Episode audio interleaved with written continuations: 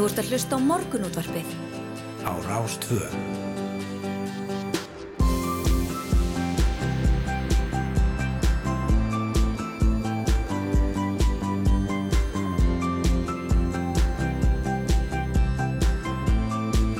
Morgunútvarpið Á Rástvö.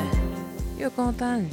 Morgunútvarpið heldur hér af stað þriðu daginn 15. mars klukkunum vantar tímindur í sjö og við Snæður og Sindardóttir og Yngvar Þór Björnsson ætlum að sitja með ykkur til nýju og hafa það notalegt. Já, já, eins og alla virka daga. Við ætlum að fara nokkuð við það í þættinum í dag en byrja í Úkrænu en yfir 2,8 miljónir manna hafa flúið landið frá því að rússar íðust inn fyrir 19 dögum síðan. Um helgina lágu 35 í valunum og rúmlega 130 særðust í flugskitt árás rússa á heræfingastöð næri borginni Lviv í vestuluta Úkrænu og við ætlum að ræða við Marger Pétursson sem er úsættur í borginni og rekur bank Lviv í samnæmndri borg og víðar um Úkrænurindar og við ætlum að ræða við hann um, svona stöðuna í borginni og áhrifin á fjármálagerfið. Emitt, en uh, við ætlum líka að ræða það að í gær var greint úr því að lauruglan hefði fellt niður rannsókn á talningamálinu í norðvestu kjörtami sem kom upp eftir síðustu alþengiskostningar. Við ætlum að ræða þetta við Guðmund Gunnarsson frambjóðanda viðresnar sem mistir raunar þingsæti sitt þegar ákveði var að telja á ný kjörtaminu. Já, já, einmitt.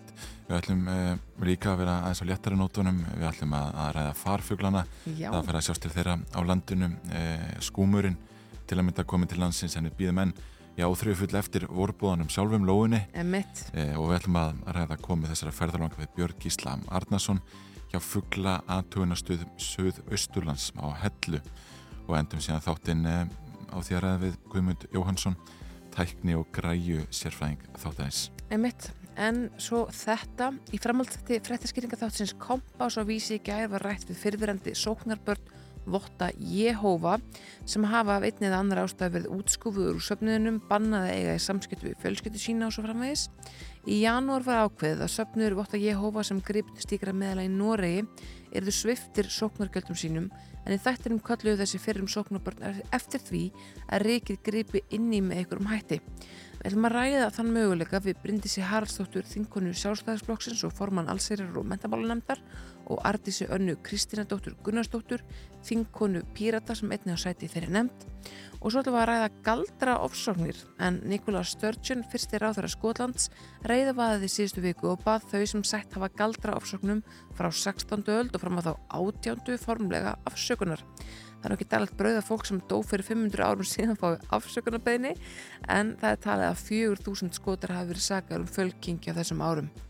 Okkur í morgunúttarpinu leikur hugur og að vita hvernig þessum málum var hátt að hér og hvort ástæðsi fyrir stjórnvöld til að gera svo störtjun þar að segja, byggja já, þau sem að sættu galdra ásöknum, ströndum eða viðar ásökunar og við ætlum að ræða þetta við doktor Ólinu Kjærúlf Þorvaldsdóttur, hún rannsakaði brennuvöldina, galdra og galdra trúum síðustu aldamóti í doktorsreitgersinni og veit raun og veru allt um málið og, og hefur á því skoðunir hvort að, já, hvort að við eigum að byggja, þetta fólk afsökunar Já, einmitt, einmitt. ef það er einhver sem að getur tekið við afsökunarbeginni 500 árum eftir þetta og þá er það fólk sem er kvöldrótt Já, ég hugsa það einmitt, einmitt.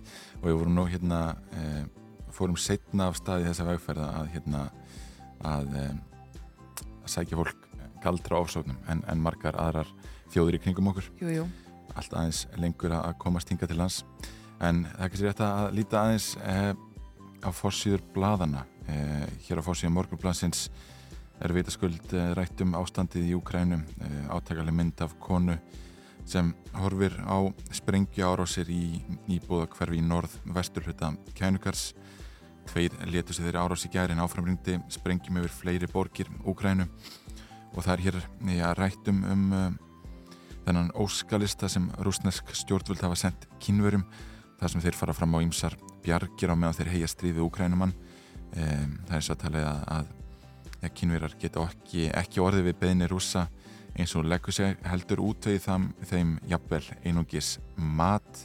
En þannig geti kínverar áfram silt millið skjars og báru með því að veita rúsum aðstóð án þess að útvaða þeim hrein og klára vopn. Og það er rætt hér við Óskar Hallgrímsson ljósmyndara sem við höfum nokkur sem við rætt við. Mm -hmm. hann er búsettur í kennugarði og hann lýsir hérna að já, viðvörunar flautur hafa farið í gangi í borginni í fyrsta skipti í langan tíma í gær einmitt Já, þetta er farutunlegt.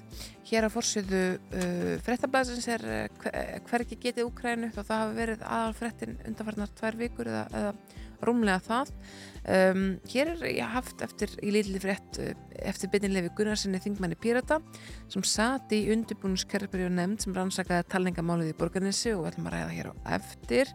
Hann segir eh, algjörlega orðlaus vegna niðurstöðunar, ekki síst þess að lögurstjóri vísi ránglega til þess að í nýju kostningalögunum sé ekki að finna viðurlög sem dugir til sakfellingar gegn brotum.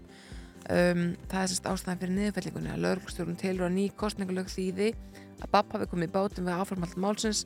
Áður hafa hann gert fólkinu að gert, sérst, áður hafa hann gert að hann greiða sekt en enginn í kjörstjórnni gerði það hann telur að, að Björnlefi telur að lögurstjórun á Vesturlandi hafi tekið kolranga ákvörun um því að fella málun niður. Um forðunlegt svo er líka stórfrett hér um það að, uh, að borgin ætli að selja Reykjavík Studios uh, ennfrekar eignir í gufunissi undir kvimundagerð tvö kveikmyndafélag börðust um að kaupa setni skemmu ábyrðaversmiðurna sem seld var á 320 miljónur króna en borgarstjóri Dagur Bjækjurtun segir Ísland verða mekka kvikmyndagerðar samkvæmt þessari rétt. Já, já, einmitt, það er heilmikið uppbygging þar, það er út að segja það. Já, þetta kvikmynda verð var þetta notað í söngukeppnunum helgina já. og það bara var mjög glæsilegt. Já, já það skilaði sér allavega einn í stofu hjá fólki held ég, hva, hversu glæsilegt þetta rým er og hversu já. vel það hendar í, í svona útsendingar. Algjörlega, þetta var alveg bara fyrsta flokks útsendingar. Hér á sjöttu síðu morgublasins er rætt um áallun Borealis en við rættum nú ja, í byrjun, eh, nei, í lók síðustu viku þá ákom til okkar eh, markastjóri Faxaflóhafna eh, og rætti einmitt það að Borealis eh, var í fyrsta skemmtifæraskipi sem kemur til Íslands eh, í ár og ætti að koma eh, til Reykjavíkur núna á morgun en áallun hefur verið breytt vegna veðurs siðra, segir hér í frétt morgunblassins og uh, ætlar til Akureyrar í mhm. staðin mm -hmm. uh, skemmtverðarskipi Borealis ætlar að byrja Íslandsjálfsótt sína á Akureyri á morgun og verður við bryggjum frá morgunni og fram eftir degi það er líka leginn til Ísafjörðar og síðan til Reykjavíkur um, en vegna veðus var áallunni snúið við og þetta ja, fyrsta skemmtifæraskip ársins um, byrjar því um, ja, fyrir norðan uh, og, og Þannig að þetta er hérna, þetta er alltaf heilmikil tímamót þegar skemmtifæraskipin fara að koma yngar til hans. Emitt, já það er það, það er mjög skemmtilegt þegar það gerist. Uh, hér segir í, uh, í sko, margir er velta fyrir orkumálunum þessa dagana já, já. Uh, og bensinverði hefur hækka mikið Hér segir á, á blæðsu fjögur í fréttablaðinu að þessi mikil munur og verði á kílowattstund af rafmagnir þegar rafbílar eru hlaðinir í heimahúsi og á hraðalhæðslu stöð. Tómas Kristjánsson formaði rafbílisamats Íslands segir hverja kílowattstund í heimalhæðslu kosta um 15 krónur en í hraðalhæðslu getum farið upp, í, upp fyrir 50 krónur. En sé þó markvælt ótyrir að kera rafmagsbílin bensin og dísilbíl og hér segir hann í e, beitin tilvettin verðið getur verið jafnvel þreys og til fjóru svona herra en þegar fólk er að hlaða heima hjá sér en maður þarf að gera sér grein fyrir því að hluta kostnæðin fyrir að borga fyrir hraðhlaðstu stöðina tengigjaldrafitunar, launakostnæð og allt annað sem fylgir ekstra svona stöðum en bara hraðhlaðstu stöðin sjálf getur kostað 4-5 miljónir mm -hmm. hann bendur á að það sé algengt verð fyrir hraðhlaðstu stöðu við heimilisjöbilinu 70-200.000 sem er tölvört annað já, já. og hann segir að það sé bara eðlilegt að þessi dýr að hlaða bílinn í hraðhlaðstu stöðu heldur en heima Einmitt, þetta er áhugavert Já, þessu orkurskipti í, í, sko, í auðvitað hafa mjög mikil áhrif á það hversu mikið við finnum fyrir hækkuð bensinverði. Já, já. Það má kannski nefna hér frétt á, á VF Rúf Örstutt. Eh, við höfum ekki mikið rætt kórunveru faraldurinn undarfartna dag að það er nokkuð ljóst. Nei. En um, næstum 30 miljónir kynverja sæta nú útgöngubannum gjörvall landið. Mikil fjölgun smita hefur leitt á sér já, upptöku fjölda sína taka og sama heilbriðstarfsfólki hlýfðarbúningum á um, strætum Stórborga þannig að það er, já, ríkir enn að breyðast á, á mjög mismunandi máta við þessari veiru og útbreyðslu hennar. Einmitt, jú, jú. En við ætlum að fara að, að skipta yfir á fréttastofuna ræðið síðan veður og færð og, og eldingar og, og hvaðina og komið síðan aftur eh, með Úkrænu Þú ert að hlusta á morgunútvarpið. Á Rástvöð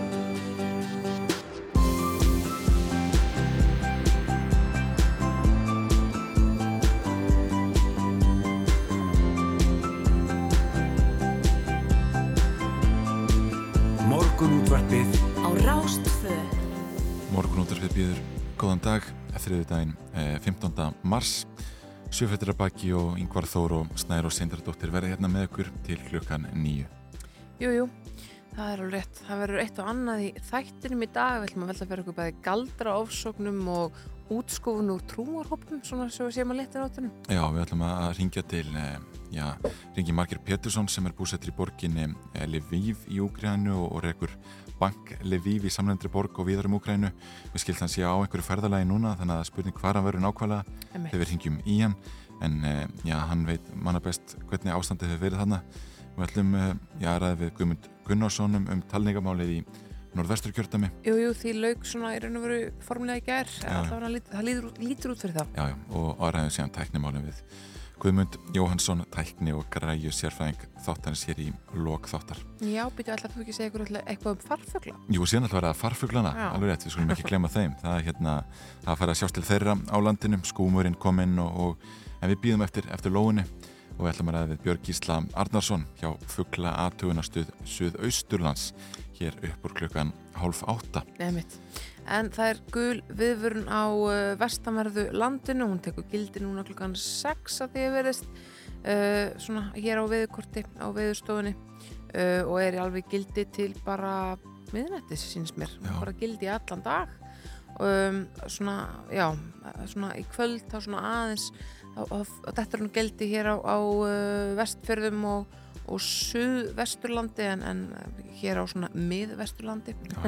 Þá er hún bara gildi í allan dag þannig að hérna, já, það verður leðinda hvassviðri að við skoða þess að sem að, að viðfræðingar segja.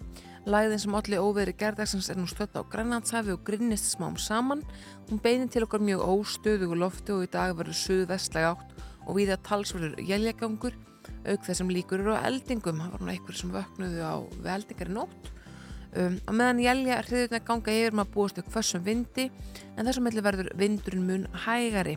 Norðaustan til á landinu verður hins vegar yfirleitt þurft, kólandi allvíða, vaktfrost setnipartin og svipað veður á morgun þó vindur verður nú eitthvað hægari þá. Já, einmitt.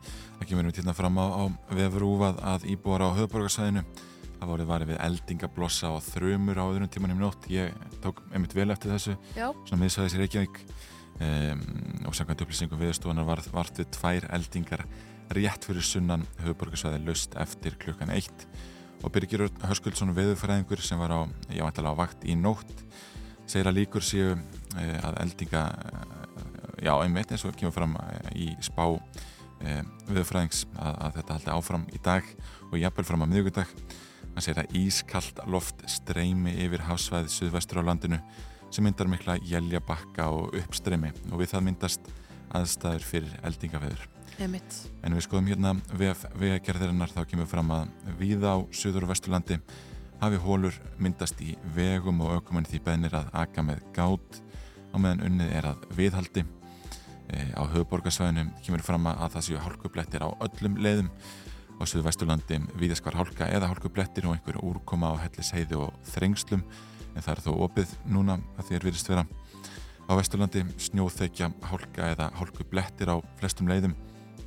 Það er reyndar e, óvisa með já, ferjuna Baldur í dag vegna veðurs og ölduhæðar. Og um, á vestfjörðum er snjóþekja hálka eða hálku blettir viðaskvar en þæfingur á Stingrinsfjörðarheiði og á Þröskuldum. Það er óvisa með e, Já, já, einmitt, einmitt, einmitt, eh, já, já, þetta, er svo, hérna, þetta er langt og mikið hjá vegagerðin í dag, já, það er já. gott svona að nefna það helsta, eh, sko, í áltafyrði er, er vegurinn lokar vegna snjóflós, ef við lítum hérna á vestfyrðina, vegurinn um Dinjandis heiði lokar sumuleiðis, á Norðurlandi snjóþekja hálka eða hálkublettir með víðaskvar, á Norðausturlandi hálka eða hálkublettir á Mývas og Möðrudalsörafum en annars greiðfært, Á Östurlandi hálkublettir á fjardarheiði en annars greiði fært. E, það er já, beint e, sjónum að beru fyrir því sérstaklega hér. Það er varað við hætta á slitlagsblæningum og slitlagskögglar sem brotna af bílum geta orðið varasamir og það er mikilvægt að draga úr hraða þegar bílar mætast og nota dekja hreins eða vartöru við bygg. Mm -hmm. Á Suðausturlandi hálka eða hálkublettir og Suðurlandi snjóþekja hálka eða hálkublettir mitt víða á vegum og brúin yfir Kjelduál á Sandholmavegi er skemmt og það er 5 tonna ástungi þannig að það er ágætt bara fyrir þá sem ætla að fara í einhvað ferðalagi dag eða keira lengri vegalendir að skoða vegagerðarinnar vel.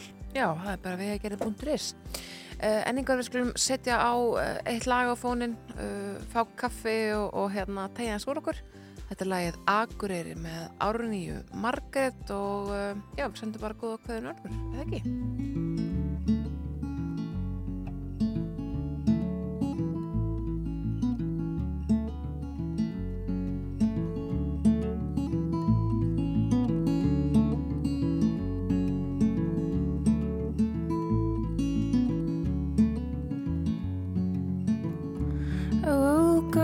up an empty room. Woke up without thinking of you. The day was peeking in. I sat up and held my chin for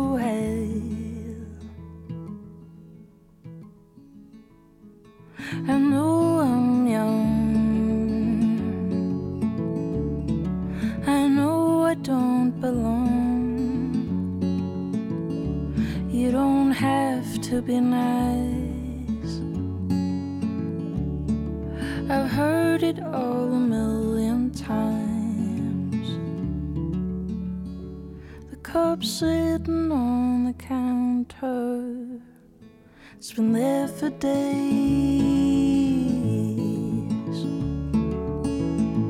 Oh, I guess I'll be here for days and days.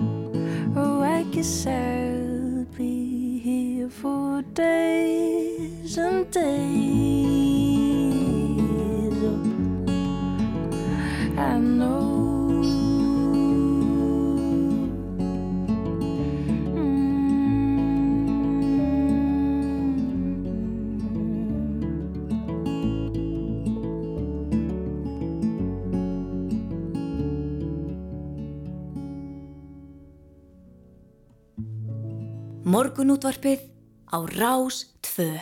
Jújú, nótalegt.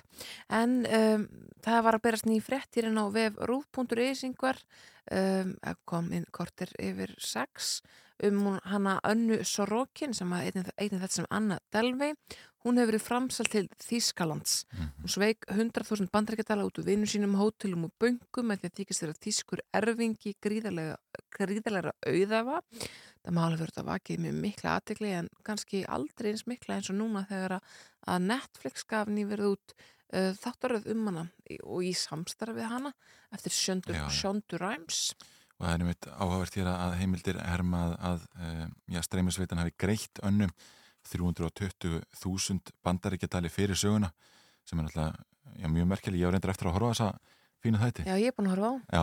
Já, já, en sko mér skilst og ég er aðeins búin að vera að fylgjast svolítið, eða svona ég er búin að fylgjast þannig þjætt með þessu máli síðan að koma upp en, en sérstaklega núna, mér skilst að um, þessi peningur frá Netflix hafi farið að öllu leiti sko í málskostnað og, já, og um, greiðslu bóta til hennar svona fórnulampa þeirra sem lendu í henni. Hún sveik fjö með ótrúlega hætt út af fólki já, uh, og fyrirtæk Já, já, einmitt. Um, já, var hjá tískutímarutinu Purple, eða ekki Jú, jú. og fluttist til New York og það sem henni tóks með með bellibröðum að, svíkja fjölda fólks Já, sko, bellibröðum vissulega og hún hérna falsaði sko bref og undskriftir og þótt stega svona hérna sjóð Já. frá ríkum fólkur sínum sem að hún var alltaf að býða þeirra á aðgangað en svo var hún líka bara með sko sjálfströst á við, á við eiginlega herdeld sem að, að hérna er svolítið svona líkillin að baki já, getum bara sagt hennar velgengni, það er kannski mínskauti en líkillin að baki því að henni tókst að blekja fólk með þessum hætti. Já, já. hún bara rétt rúmlega tvítu þegar hún var að byrja að byrja þann, þannan ferilsinn sko. Já, já, þetta er einhvern veginn vinsælið þættir í dag og vorum líka með eh, Tinder svindlaran Simon Levív hérna Já. fyrir einhverju síðan. Eh, hann áttu nú að vera á Íslandi eh, saman hvort það hefur verið rétt eða ekki. Þannig að hérna, já, já, það, það er mikið um um eh, svindlþætti, getur við sagt. En það er auðvitað algjör skellu fyrir önnu sem ég, ég held ég hafi hún bara kíkt á hana á Instagram í gær síðast. Það er algjör skellu fyrir hana að hafa verið framseld til Þýskalands því að, að þá, sko, hún færi rúglega ekki að koma aftur bandaríkina Nei, hún þarf bara að fara að byggja upp sitt líf hér í Evrópu. Já, aldrei veit hann ef hún komið ynga akkurat. Eh, Við ætlum að fá annar lag, Snærós Já, emitt, þetta er 4-5 seconds með Ríönu og svo uh, ræðum við, ringjum við til Ukrænu I think I've had enough. I might get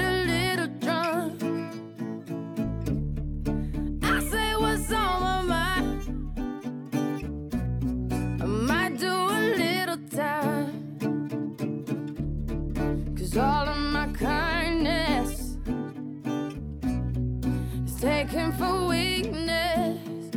Now I'm four, five seconds from wildin'. And we got three more days till Friday. I'm just trying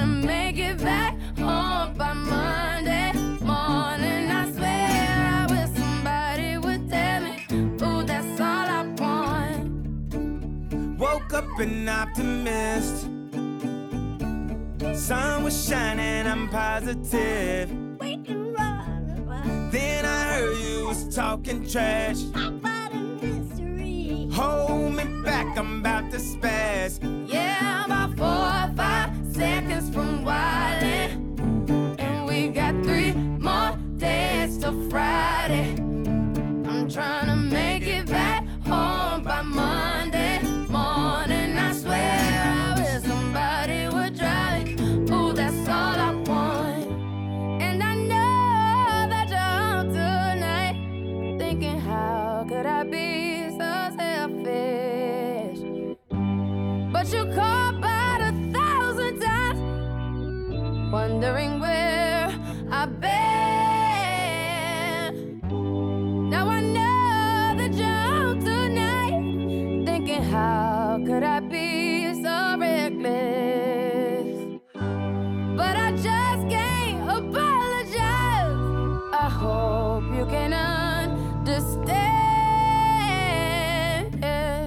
If I go to jail tonight,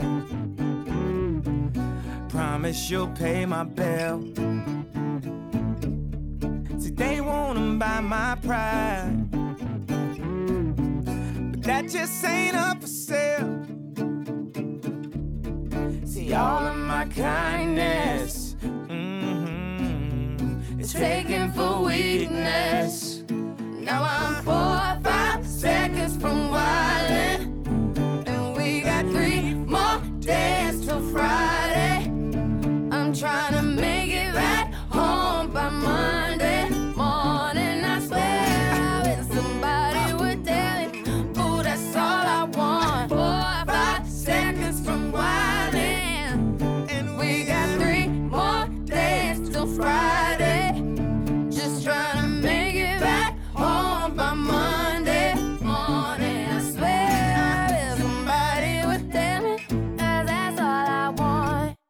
Morgun útvarpið Á Rástfö. Við ætlum að halda áfram að fjalla um ástandið í Úkrænu eh, eins og við hefum gert vel og, rækilega síðustu daga. Nú Marger Pétursson sem er búsettur í Lviv í Úkrænu og rekur bank Lviv í samnefndri borg og víðar um Úkrænu er komin á línuna, góðan daginn. Já, góðan daginn. Hvar ertu staðsettu núna, segiru? Uh, ég er nú bara að aka hérna uh, í átt til Ungaraland, þannig að ég er svona 40 kilometrum fyrir sunnan líf. Mm Er fólk sér að forða sér núna úr borginni eða, eða hver er ástæð þess að þú, þú ákveður að ferast ákveð núna? Nei, nei, nei, nei, það er bara hýttið þannig á að ég er að koma til Íslandsum fyrir næstu helgi. Já, þannig að þú ert ekki að, þú ert ekki svo að þú ert að flýja landi eða eitthvað slíkt. Nei, nei, nei, ég er nú hérna áður farið þessa leið sko fyrir, eftir að stríði byrjaði fyrir uh, tíu dögum, þá var miklu fleira fólk og, Já, og gríðalega raður, það tók mig, tók mig hérna uh, næstu því sólaring að komast til Ungarlands en, en uh, ég býstu því að það taki svona fimm, til Budapest að það taki svona 6-7 tíma, bara eðlilega mhm. allavega samkvæmt mínum upplýsingum í dag. já, já.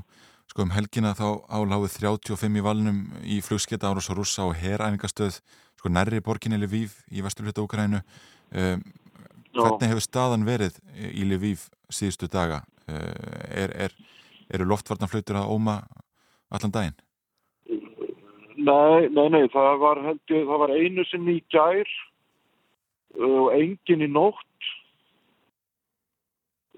en það var auðvitað, það var mikið lætið þarna þegar, þegar þið náðu að, að skjóta eldflögum á heraðingasvæðis. Já. Og, og hvern, En, en sem sagt, það eru, það eru náttúrulega mjög góðar eldflöga varnir hérna og, uh, og, það, og það voru miklu m- mun fleiri eldflögum skotið en, en kerfið tók, tók niður allar nema átta. Það hefði gett að farið ennþá verð. fólki leiði einhvern veginn þannig að, að sko að íbúar í vesturluta Úkrænu væri nokkur, væri nokkuð öryggir. Eh, er það staða núna eða, eða er einhvern veginn all landið undir? Já, ég held að uh, fólki, uh, fólk telur sig vera vísna örugt í, í borginni og, og uh, þetta svæði var augljóst skotmark. Þetta er gríðilega stórt æfingarsæði og bandaríkjumenn hafa verið þar að þjálfa í, í mjög mörg ár.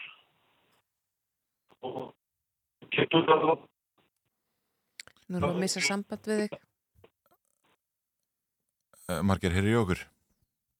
Já, já. Þarna dettur aftur inn í smástund, sko, eh, þú ert náttúrulega að reka bankli víf í borgin og víðar um Úkrænu. Hvernig hafa áhrifin verið á, á fjármálakerfið? Er, er bara eðlileg bankastarðsemi? það er ekki fyllilega eðlileg bankastar það er, það er, er höfður á því hvað nátaka út af, af reikningum að, og eins eru er, liggja gjaldbyrjusviðskipti nánast niðri Já. já, En, en bankin er opinn eða eitthvað? að við erum opið frá 10 frá 10 til 4 venjulega annars vorum við opið með frá 9 til 6 emitt. Uh, við erum að missa samband svolítið við þig, Margir. Uh, það er spurning, ertu á ferðinni? Er, er, ertu, ertu akandi? já, ég, ég, er á, ég, er á, já, ég er á ferð Já, emitt, já, það Já. Þetta er svona svolítið inn og út. Þetta er inn og út hjá okkur. Um, sko, hefur þú uh, og þín fjölskylda hafið þið hérna ekkert íhuga það að- að fara í þetta skipti og koma ekki aftur?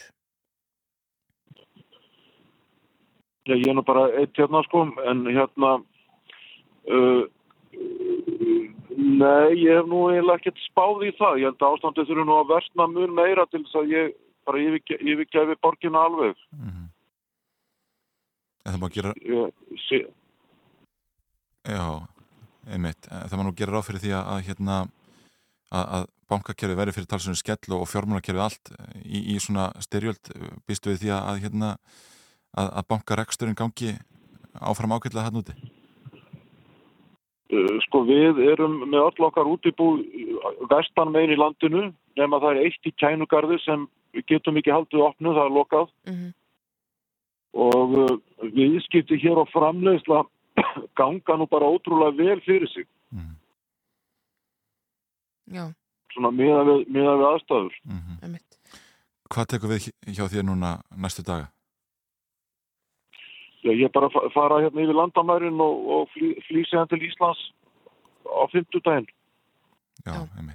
og svo aftur tilbaka í næstu viku. Já. já, já. Margir Pétursson, við komumst ekki lengra með þetta á, því að sambandsleysið er svo uh, mikið. Takk kærlega fyrir að tala við okkur frá Úkræn og við fáum Já, kannski bara að heyra í þér aftur setna.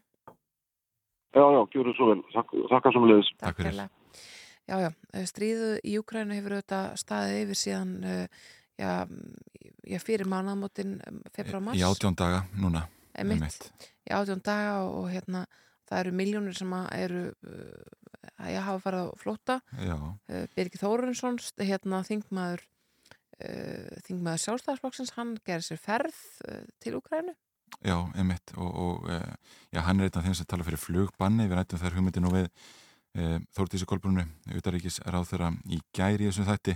Og hún sagði að, að já sko, að það var í raun ekki Íslendinga að vera hérna að tala fyrir einhverju slíku Nei, Um, en það verður áhvert að sjá hvernig þessu málum vindur fram í dag. Það er áfram bóða til friðar viðræna á milli um, já, ukrænumanna og rússa um, og á sama tíma eru rúsneks stjórnvölda að óskaftir aðstóð kynverja eins og við nefndum hérna aðeins í byrjun þáttar mm. -hmm. byggjum loftvarnaflögar, dróna, brinnvarnir flutningabifræðar og, og, og fleira. Eh, en það er spurning hvar eh, er alltaf koma inn í þetta. Við höfum rætt það líka áður í þessu þetta jú, jú, við erum aðeins tala um, um stöðu þeirra og sko, hún er mjög viðkvæm þar að segja að þeir hafa mik mikla hagsmunni, sérstaklega efnahagslega hagsmunni undir því að, að fara ekki í stríð með rússum eða, eða sko, þeim, sko, fylgja þeim í einu öllu heldur að leika fyrir eitthvað milliliðið eða, eða já, bara stíga ekki inn í það, þessar, þessi átök. Já, já. uh, þeirra starfsti viðs, viðskiptaðali er bandreikin Já, og síðan máli geta þess að Katrín Jakobsdóttir fórstættisráð þeirra fundar í Bretland í dag með leiðtóm ríkja sem mynda sameiginlegu viðbraks sveitina og þar verður rætt um ástandi í Úkrænu og frekar í stuðning þessara ríkja við stjórnvöld og almenning í. Einmitt. Við skulum heyra lag uh, nú, fyrst að við þurfum að stýta þetta viðtalaðins. Þetta er lagið ekkert mál úr hljómskálunum með Elinu Ei sem að vann söngvakeppni Sjónvarsins síðustu helgi.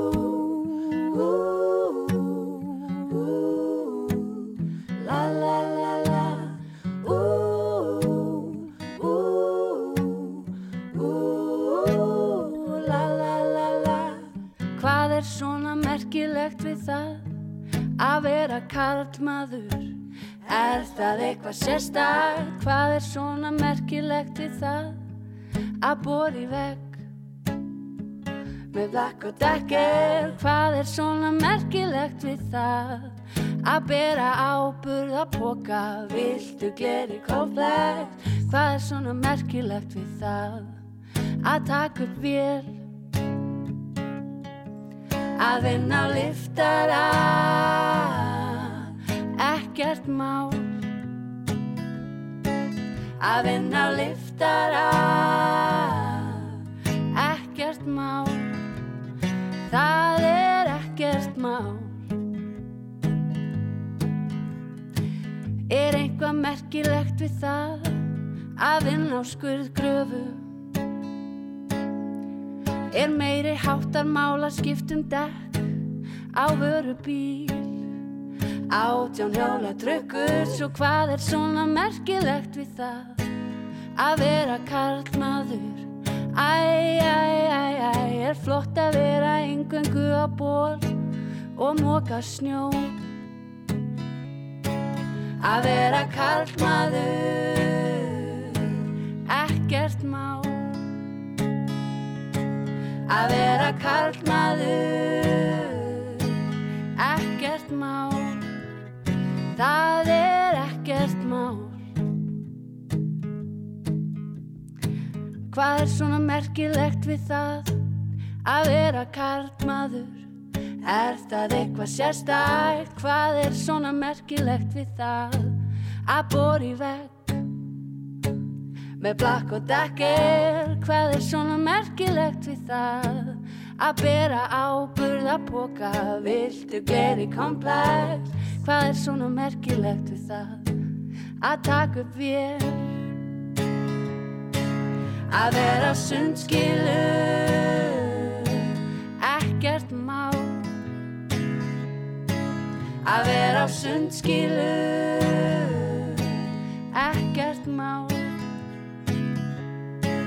að vera á sundskilu ekkert má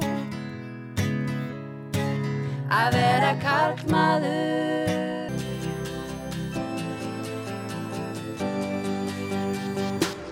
Þú ert að hlusta á morgunútvarpið. Á Rástvöðu Jújú, morgunúttarpið heldur hér áfram. Að vorum aðraða stöðuna í Ókrænu við margir Petursson sem er búsettur í borginni Lviv. Við ætlum að fara e, á alltara nótu núna og ræða farfuglana sem er farið að sjást til á landinu. E, Björn Gísli Arnarsson hjá Fugla aðtugunastöð Suðausturlands er komin á línuna, góðan daginn. Góðan daginn. Hvað séu, hver er staðan? Hvaða fuglar eru komið til landsins? Það eru farnar að koma áttir, Já, svona ek ekki mikið samt en svona alveg góður reytingur Já, og endur, brandönd og rauðhöfði og stönd Mm. Og skúmurinn og tjaldur og sterkar. já, En ekkert bólur á lóðinni? Nei, það er nú svolítið snjönt fyrir hana. Hún kemur svona 24. 5. 7. mars. Ok. já, Það er svona hennar dagar svona, þarna í kringum það. einmitt. Það er svona tíu dagar í, í lóðina og við förum einhvern veginn að sjá fram á betri tíma. Já, það er svona cirka tíu dagar í hana, já. Já, einmitt. Það fyrir nú að vora. En þið hjá sko fuggla aðtugunastöð Suðausturlands, eh, hvernig virka svo starfsemi og, og hvernig eru það að fylgjast með fugglunum? Sko, nafnfuglarnarstöðuna, þetta er náttúrulega bara að fylgjast með farfuglunum og, og merkja fugla. Mm og, og, og með merkingum að þá, þá, er við hérna aldurfuglana til dæmis. Fuglarnir eru að koma aftur og aftur ár eftir ár til okkar og fuglar frá okkur er endur heimtast um við á Íslandi og út í heimi líka. Já, einmitt. Ja, þá fáum við aldur og farleiðir og annað út því. Já, Já. einmitt. Og svo teljum við aftur, fylgjum svona aftartalningum upp í lóni og við kvalum þess aðalega. Já, já. En síðan er sko, skúmurinn er náttúrulega svona hérna enginnesfugl, sko sunnan og, og söðustanlands eða ekki? Jú, skúmur er einhvern fugl sandana Já, og hann er bara svona sínum tíma. Ég held að við séum þarna fyrsta skúmi núna 8. mars og það er bara svona, já, já, á sínum tíma. já, já. En er eitthvað Það var ætil... þetta.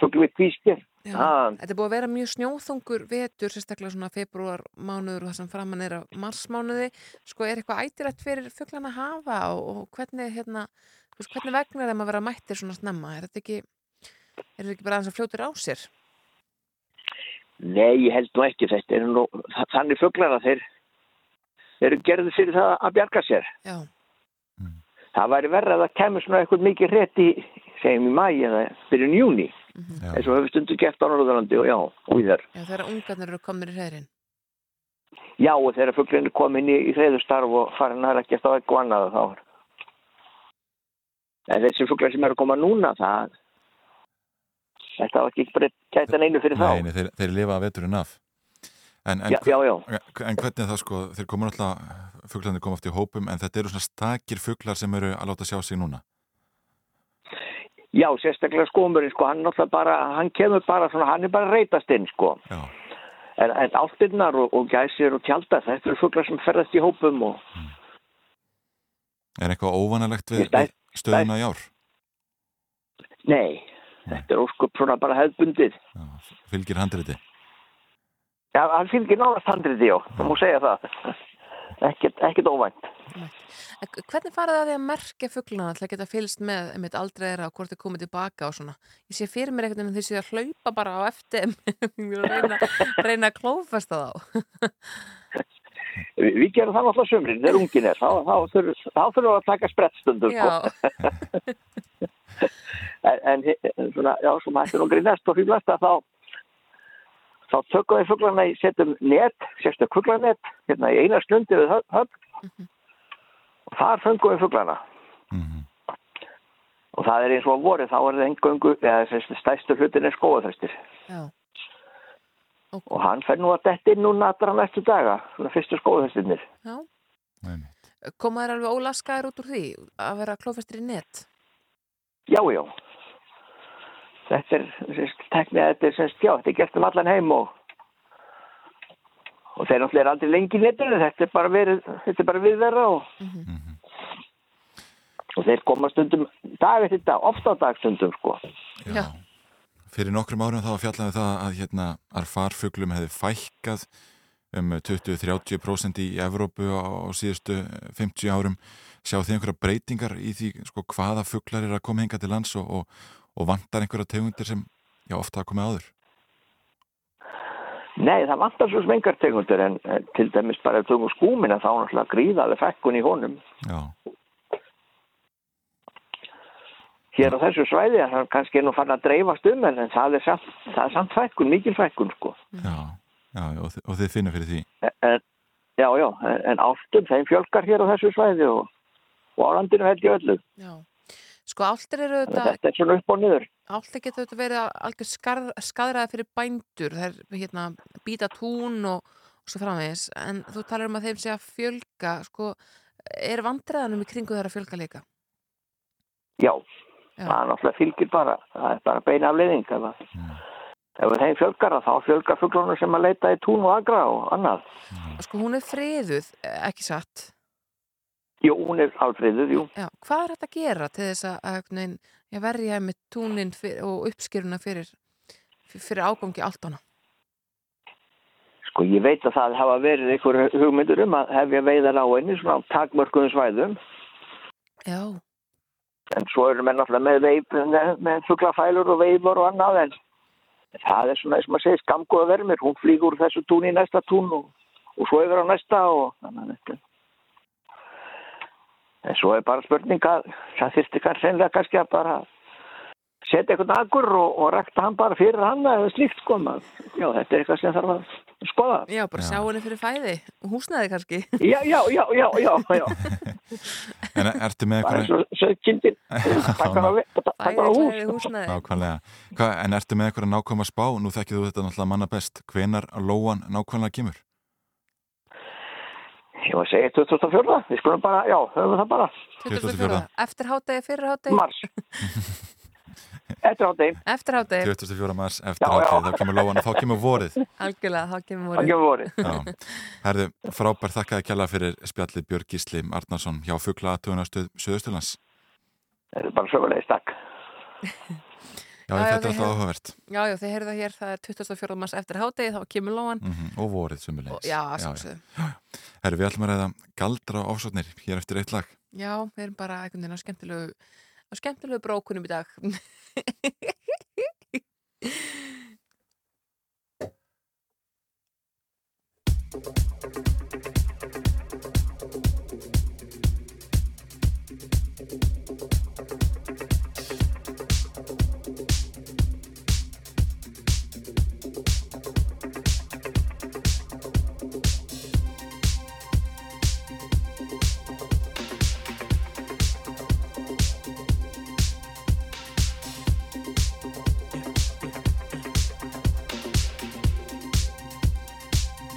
saw the fire in your eyes.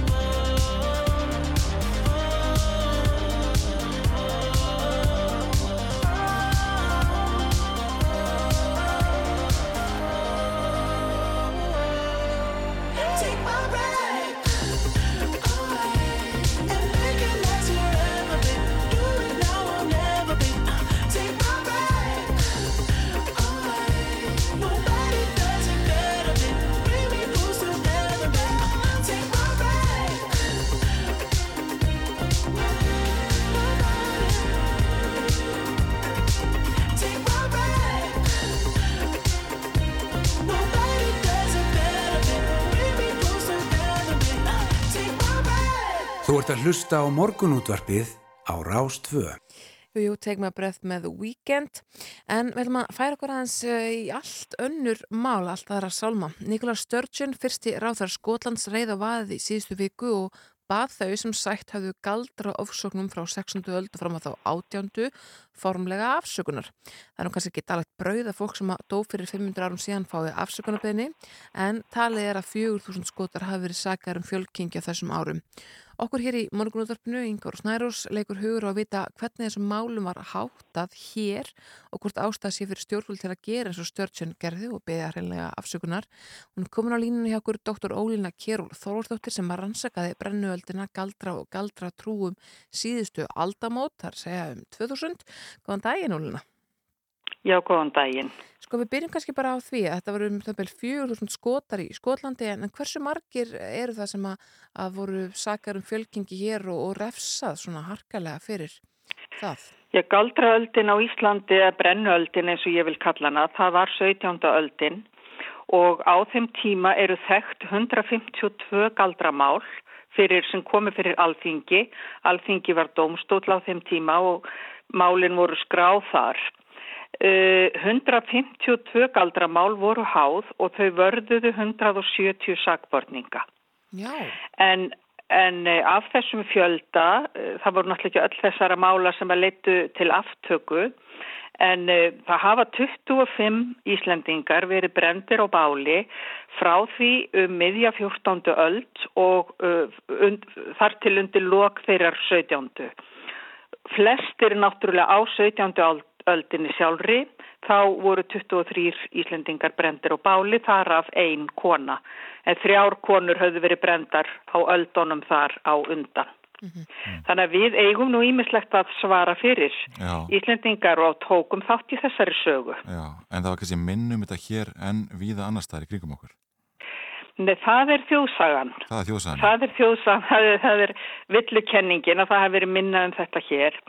Sko, við vorum náttúrulega ekki nema 40-50 þúsund íbúar í landinu þegar, þegar á þessum tíma og mér sýnist að í, í þessari doktorsritger sem ég skrifaði þarna um síðustu aldamót að eh, hlutfall til miða við íbúatölu þá vorum við á mjög svipuðu róli og til dæmis önnu Norðurlandi, bæði Svíþjóð og Finnland, Noregur reyndar og hérna og, og Jótland sker sig nokkuð úr. En uh, við vorum við vorum á mjög svipuðu róli og ef er hort til þeirra sem að er sem sagt hlutfalls aftaka af ákærum að þá voru við í rauninni bara, já, svipað, svipari stöðu og svíjar til dæmis. Sko í hverju fólst þetta, þetta mynda fjölkingi og, og hvað var til þess að fólk var sakað um það? Hvað gerði fólk sem var, sakað, var sakað um þetta? Já, sko, ástæðurnar eh, fyrir ásökununum voru auðvitað byggðar á djöflakenningum kirkjunar um samning mannsins við djöfulinn og nortnin væri komin á vald djöfulsins og farin að þjóna honum eins og guði. Þetta var málflutningur kirkjunar í Evrópu og barst inn í hugmyndaströyma íslensku kirkjunar þarna á 17. öld. En það sem raunverulega var að gerast var það að alþýðu trú og alþýðu lækningar sem að voru nú oft kukkkendar og, og, og, og rúnum blandnar, að þær voru oftast tilefni þess að fólk var saksótt ásökunin hljóðaði upp á djöfulsþjónkun en verknaðurinn var í raun og veru e, frumstæði lækningaviðleikni með særingum og, og, og, og rúnapári. Þannig að menn voru að reyna aðstöða sjálfa sig og hver, hver annan í raun og veru en voru dregnir fyrir dómstóla fyrir að þjóna djöflinu með þessu aðtæfi og teknir af, af lífi fyrir meingjörð sem að þeir höfðu svo alls ekkert í fæstum tilfellum unni. Þeir höfðu ju reynd að kukla eða galdra en þeir voru alls ekki að reyna að valda öðru fólki miska með því. Í lang flestum tilfellum voru þetta góðgaldrar og heitlaráð sem að fólk var að að pukrast með. Já, já. Þú talar um það að alþingi var náttúrulega einhvers konar domstóla á, á þessum tíma. Eh, hvernig var það? Voru allar stjættir samfélagsins að stunda þess að galdra og, og, og dæmt fyrir þetta? Sko það er náttúrulega yfirgnæfandi meiri hluti þeirra sem voru dregnu fyrir domstóla voru óbreytt alþýðu fólk. Við eigum nokkur dæmi um að prestar hafi verið orðaðir yfir galdur, ég held tveir prestar tveir lögréttumenn, einn, einn hreppstjóra veit ég um sem að voru dregnir fyrir dóm en sko fólki sem var að herri stegum samfélagsins slapp yðurlega undan galdrabálinu en það var óbreytta alltíðu fólki sem átti minna undir sér sem að kom litlum vörnum við. Mm -hmm. Mm -hmm. Sko það var stundum verið að tala um það að, að galdrarnir lúða þess við strandir á vestfjörðum. Uh, er það rétt? Var þetta, sko, Var þetta einskorðað við það svæði eða var, voru galdrar um all land? Sko, það er ekki hægt að segja kannski að galdrar hafi verið meira yfkaðir á ströndum en annar staðar á landinu. Mm. En það sem var með strandir og vestfyrði, að það reys galdra ofsóknin hæst gegn galdrafólki mm. á, á íslenskan mælikvarða. Og það var vegna þess að prófasturinn í Selárdal, sér að Pál Björnsson, og uh, lögmaðurinn að norðan og vestan og síslumadurinn um tíma í hér að ennu Þorlifur Kortsson. Þeir tóku höndum saman um að uppræta galdravilluna í hér að ennu þannig að þeir voru mun aðtapna samari þessir tveir við að hérna á, ákæra og og taka af lífi galdra fólk heldur en týrkaðist í öðrum landslutum. Brynjólfur biskup Svensson var á Suðurlandi og þar var gísli Magnússon síslumadur sem kallaði var vísigísli. Þeir voru frekar áhuga litlir um þessi galdramál og reyndu nú frekar að bjarga til dæmis skólapiltum í skálholti undan ákærum heldur en að eldast við fólk með þessi mál. Mm -hmm og það sýnir sig mjög augljóslega í aftökufjöldanum að hann var, það var engin maður tekin á lífi í, til dæmis í söður, í, í, í skálhaldspróf, að á söðurlandi á meðan það voru um 14 manns vestur og fjörðum. Mm, Þannig að það voru kannski einhverju menn sem að aðhaldust eitthvað svona reyntrú sem að, að gengur hvað harðast fram í þessu. Já, til þess að galdrafár geti brotist út, rannsóknir sína það, þá verður þrengt að koma til, það verða að saminast kirkjuleg yfir völd, veraldleg yfir völd og svo verður þetta spila með áhrifalítilli eða meðverkri alþýðu mm -hmm. og þessi skilir þið náðust mjög vel í vestur á fjörðum en þau náðust hins vegar ekki jafn vel á Suðurlandu og Östfjörðum. Mm. Og þarna hafðu valdhafarnir og samfélagsstopnarnirnar náttúrulega virkilegt gerenda hlutverk Og það er þess vegna sem að ég tel að við Íslendingar eigum að fara sömu leið og, og skotar, kirkja og domstólar á Íslandi eiga að gera yfirbót fyrir þessa, mm. þessa atbyrði, byggjast fyrir gefningar og ég er ekki frá því að domstólar eigi hreinlega bara taka upp öll þessi mál á ný og, og hreinlega bara síkna þessa sagbortningar, hreinsa minningu þeirra. Einmitt. Því þetta var mikil ómannúð og líka það að Aftöku aðferðin var náttúrulega sérstaklega ógeðfæld yeah. og fyrir henni var engin lagastóð. Mm. Það voru ekkert í íslenskum lögum sem að heimilaði það að fólk væri brent lifandi á báli eins og tilfellið var. Mm. Og auk þess að þá er náttúrulega margt í réttar farið þessara galdramála sem fær illa staðist, stóðust illa á þeim tíma og ennverð í dag. Það var verið að dæma eftir Guðsorðinu eins og sagt var, það var verið að dæma eftir lögum annara þjóða og herra eins og það var orðað, mm -hmm. uh, sem sagt eftir erlendum lögum sem hefði í raun ekkert lagagildi hér og svo er náttúrulega eftir gömlu lögbókunum. Mm. Uh, það voru teknir gildir vittnisspurðir sveitunga, fólk þurfti að hreinsa sig af sög með því að láta sverja eigða með sér, það var oftast tiltareiður, tólf, tólf grandvarir einstaklingar sem átt að sverja sekt eða síknu og í því andrúnslofti sem var á þessum tíma að þá var náttúrulega fáir sem að tristu sér til að standa með ákærðum galdramanni. Þannig að menn áttu það undir rógi og yllvilja sveitunga sinna oft á tíðum hvort þið livðust líka ákæru af. Já, einmitt. Er þetta, þetta ástand eitthvað sé lýsandi fyrir samfélagið á þessum tíma og þannig að margskonar lögverið gildi e, bara frá landnámi Íslands e, eru mörg dæmið það að, að það sé verið að taka aftur upp mál sem, sem kom upp fyrir sko, mörg hundru árum? Já, það eru dæmi um það. Það eru, sko, skotar hafa nú stíðið þetta skref út á galdrafólkinu og sama gerði fulltrúaþingið í Massachusetts uh, um síðustu aldamót út af galdraofsóknunum í Salem, þar sem að málinn voru tekin upp aftur og, og sagborningar síknaðir. Við höfum líka ímist dæmi um það bara að ríki og samfélagsstopnarnir hafa gert yðrun og yfirbót með ýmsum hætti. Það er til kanadísk vefsíða yfir, yfir slíkar yðrannir og yfir bætur samfélagsstofnana og ríkja. Og frægasta dæmið sem við höfum náttúrulega um svona tilraun til, til yfirbótar eftir heimstyrjöldina síðari þegar fjallu 70 miljónir manna. Það var náttúrulega stofnun Evrópusambandsins þegar þjóðuríki í Evrópu hétti því að stöðla friðsamlegri þróun. Sko, yðrun og yfirbót eða taka upp mál með eftir á síknu eða eitthvað konar uppgjöri, þetta er kannski liður í, í, sögu, í því að reynsa sögulega samvisku og liður í því kannski að geta dreyið lærdóm af sögunni og fest í sessi sín eigin gildi og, og fyrir heitum betri framtíð. Einmitt. Og ég held að það sé öllum holdt. Afskaplega góð loka orð, dr. Ólína Kjærúl Þorvaldstóttir, takk kærlega fyrir að vera á línunni hjá okkur og, fræða okkur um þetta forðsnilega mál. Já, takk, takk fyrir spjalli, mér var ánægjan. Og við ætlum að halda áfram á, á trúalögu nótunum og, og ræða sóknargjöld og trúfélag hér já. eftir áttafréttir. Já, já, þetta er reyn tilurinn.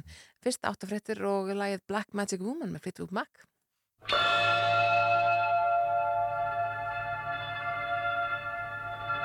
I got a black magic woman. I got a black magic woman.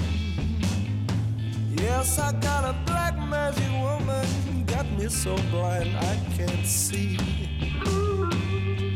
That she's a black magic woman and she's trying to make a devil out of me. Don't turn your back on me, baby. Don't turn your back on me, baby. Yes, don't turn your back on me, baby. You're messing around with your tricks. Turn your back on me, baby, cause you might just break up my magic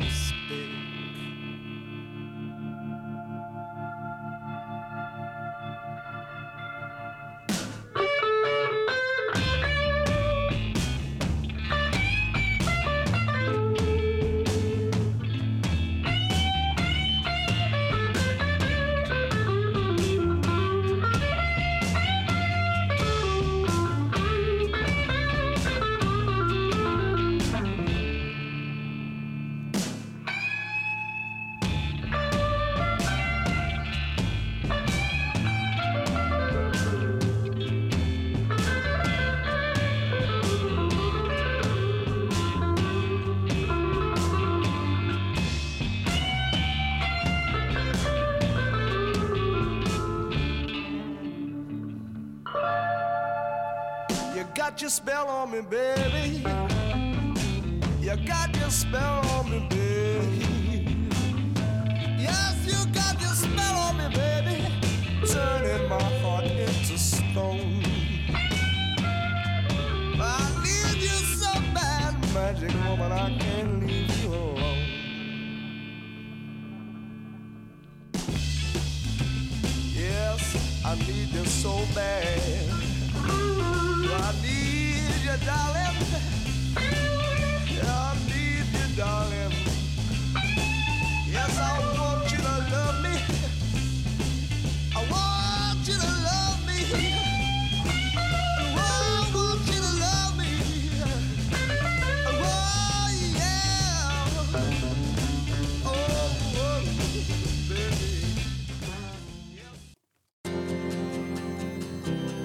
Hlusta á morgunútvarpið á Rás 2.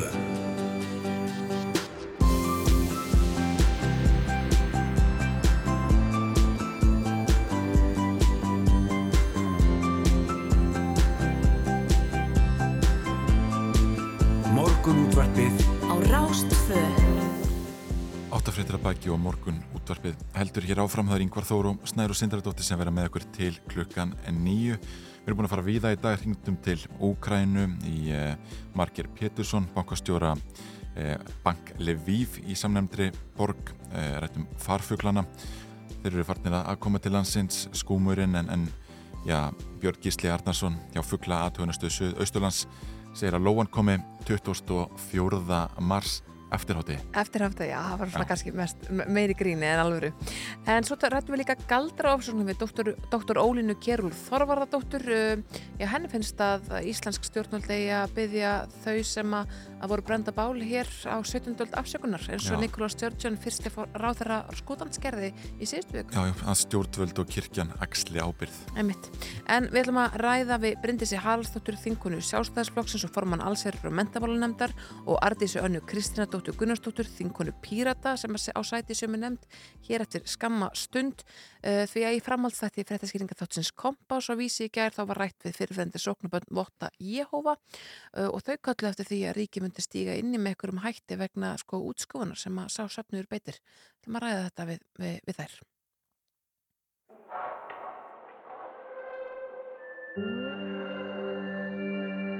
Allir dagar er svo nættir í difflísu Mínir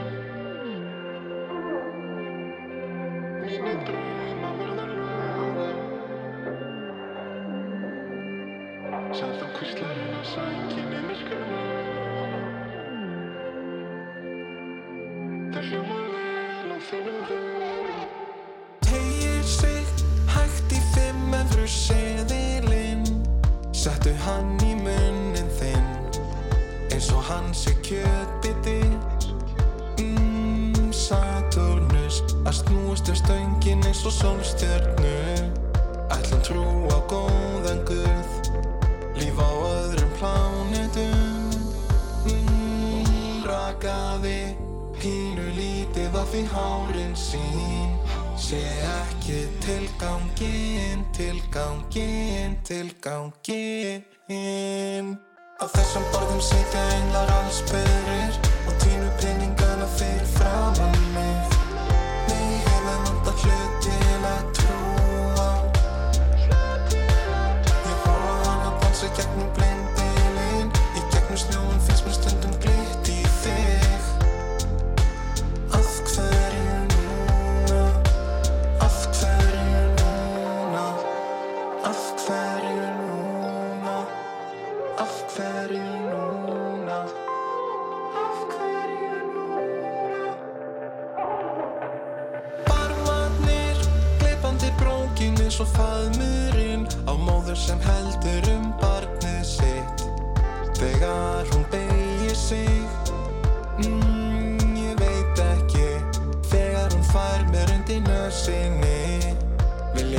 að hún elski mig Og spyr ég hvort ég finni til. Mm, Hugsandi hvort það standi fyrir Viktori. Hvar eru þá sýratnir, sýratnir, sýratnir Á þessum borðum sitja englar allsberir Og tínu peningana fyrir framann mig. Mig hefur vantað hlut til að trúa á Horfa á hana dansa gegnum blindbilinn Í gegnum snjóin finnst mér stundum glitt í þig Af hverju núna? Af hverju núna? Allir dagar eins og nætur í dýflissu Mínir drauma verða lögum sem þú kvistlar inn á sængin í myrkrum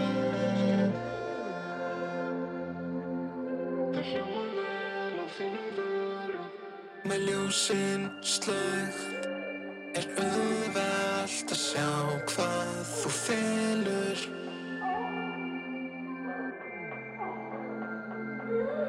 Með ljósinn slögt er auðvelt að sjá hvað þú felur.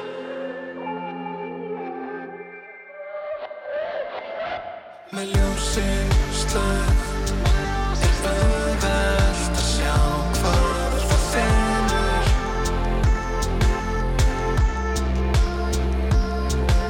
Með ljósin slöð Er auðvelt að sjá hvað það felur Það felur?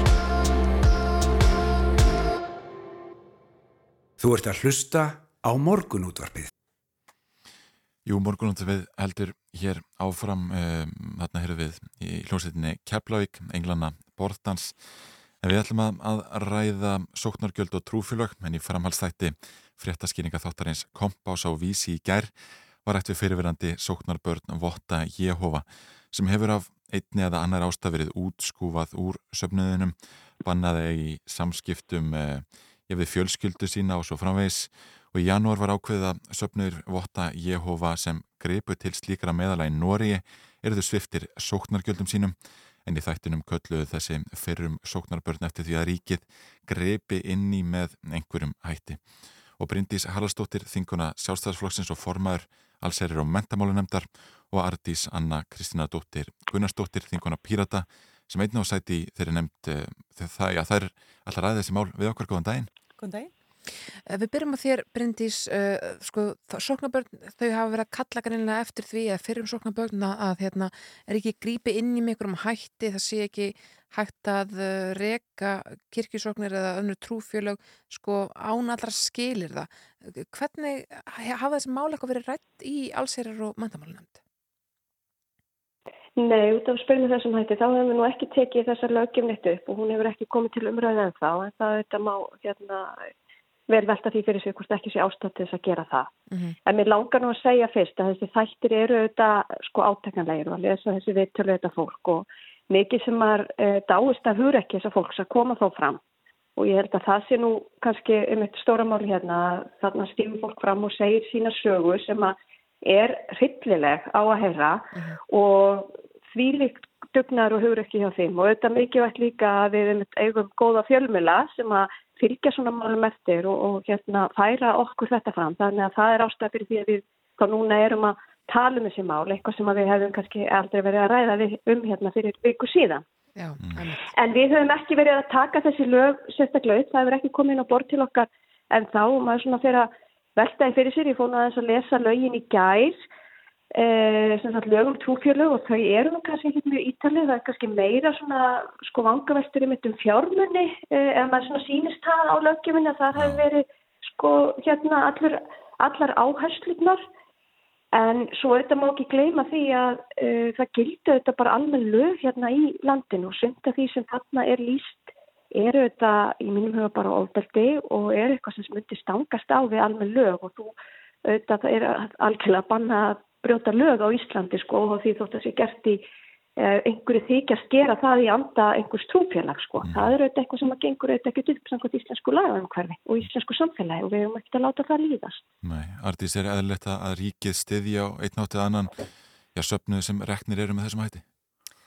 Uh, þú svarar spurningunni rauninu svolítið fyrir mig. Ég, uh, nei, ég er ekki á þeirri skoðun og er í rauninni er ég á þeirri skoðun að uh, ríkið eigi ekki að styrkja trúfélum með þeim hætti sem gert er í dag. Já. Við í pyritum hefur þegar og síðastu kjörtímabili lagt fram frumvarp sem meðal annars fóli sér reynilega afnámlaga um sóknangjöld. En ég tek undir margt af því sem að Bryndis var að segja hérna og, og, og ekki síst það að þetta snýst kannski ekki endilega um, um fjármunina, þetta snýst náttúrulega um þá ofbeldi sem á sér stað þarna og hvernig við bregðumst við því. Uh, afnám sóknar, laga um sóknargjöld myndi náttúrulega ekki leysa þetta. Nei. og það sem að kannski kristallast þarna er í þessari umfjöldun er akkurat það sem að, sem að Bryndis nefni sem er það að um, um hegðun fólks í innan trúfélaga sem utan gilda landslög.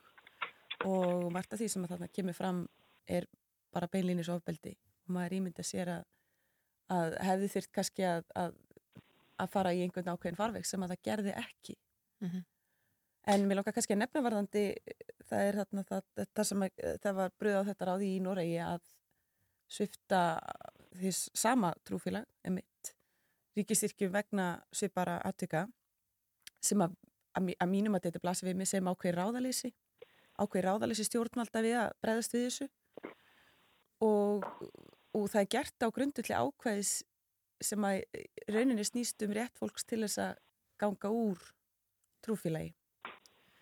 Og við erum ekki með sambarlegt ákveði í okkar lögum. Það er ákveði í lögum um skráningu trúfélaga sem fjallar um úr skráningu en þar í rauninni kemur ekki annað fram en að, en að hún skuli fara fram samkvæmt lögum félagsins.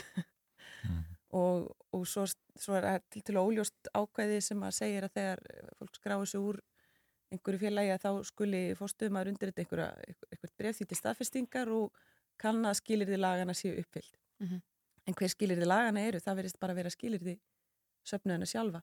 Þannig að ég held að að mörgu leiti hvort sem fólk er reyðbúið að afnema lögum sóknargjöldið ekki, þá getur vel verið að þetta kalli á ákveðna skoðun á laga um hverfinu í kringum trú og lífskona félag sem að, að minni hlut og meiri hlut að þingi geti jafnvel bara verið samálum. Mhm. Þetta er auðvitað pílindu flóki að taka svolítið á svona, sé, svona stór mál eh, þarna, sko, ef við svona bara uh, tökum votta Jehófa svona út fyrir svega og bara röð, ræðum almennt um útskunamál í uh, svona, já, sértrósöfnum eða sóknum eða öðru. Um, trúfrelsið er stjórnarskrárvarið og, og svo er uh, eitthvað sem heitir félagafrelsið þannig að það má í raun og veru vantarlega ekki útskoða fólki úr svona félagum það má vera í trúfélagi ef það vill og taka þátt en, en, hérna, en, en það félag, félag er að verðist ekki leifa, þeim, sko, leifa það. Um, er ekki hætturöld brindis sko ef að ríki stígur inn í og, og fer að segja að setja svona ströng skilirði uh, við trúariðkunnu og svo framvegs sko varandið bara trúfrelsið, menn er það ekki hættulegt að, að setja það fordami? Jú, það held ég. Ég held að það, það að, ber að vara stað í, í, hérna, í alla staði.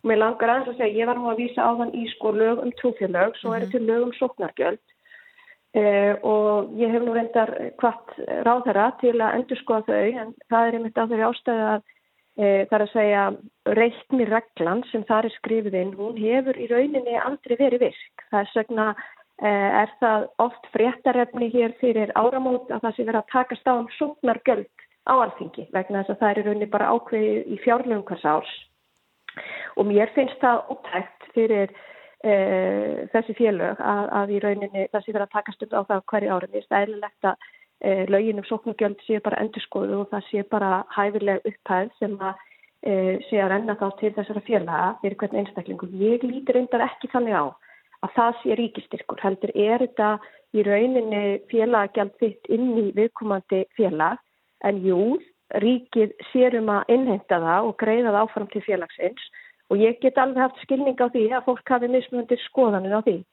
En eins og segir sko ég hérna, það er óbúslega erfitt að stíga þarna inn á trúfrels er varið í hérna stjórnarskrani og við þurfum að standa vörðum það en á sama tíma auðvitað er bara mikilvægt að það geti enginn í nafni, e, í þykistunni nafni einhverja trúar brotið á öðrum aðela og þannig brotið e, á lögum og bara því sem að við stöndum fyrir. Við erum nú núna, mörg okkar búin að halda sko innblásna ræður um mikilvægi frelsisins og, og mikilvægi sko gaggrínar hugsunar og mikilvægi mannrétta og jafnréttis út af því sem er að gerast í heiminu. Og þetta er auðvitað eitthvað svona grunn skilirði sem að við auðvitað hljótum að gera líka til þeirra sem er að ykka trú sína hér á landi að það má ekki brjóta á mannréttundum neins, það má ekki ganga fram einhver ofbeldi en það er það í allri anstöðu við það sem að trúfélag og lífskoðunafélag eiga að ganga út á. Er hægt á að veri vegið að trúfrelsi, Artís, ef við förum að setja frekari skilir fyrir starfsemi ja, trúfélaga? Ég held að sé í fyrsta lagi alls ekki vegið að, að trúfrelsi með því að krefist þess að allt fólk fylgi landslögum. En mér finnst þetta mál hins vegar sína bara mjög skýrt hversu óæðileg afskipti ríkisins af starfsemi trúfélaga fjármögnum þeirra ekki síst hversu óæðileg hún er. Mm -hmm. og, og vandræðins geta komið upp vegna þess að það er kannski það er kannski það sem að einmitt uh, svona stingur fólk fyrst og fremst þegar ef að landslögu ná ekki utanum þá framkomur sem á sér stað þarna að þetta sé raunverulega ríkistyrt og þar eru við brindið sennilega ósamála að ég tel með öllu óeðlilegt að ríki sé innheimta félagsgjöld fyrir trúfélög frekar en einhver önnur félög. Og að þessum félögum ætti bara verið sjálfvald sett hvort og þá hversu há félagsgjöld þau innheimta og eiga bara sjá um það sjálf. Þá ríkið á ekki hafa neina aðkoma að því. Og tekundir það sem Bryndis er að segja að í rauninni er eina umræðan sem hefur orðið um lögum sóknargjöld á þinginu allavega síðan að ég setti staðar sem hann kannski ekki fyrir lengur síðan það var varðandi fjárhæðir Já.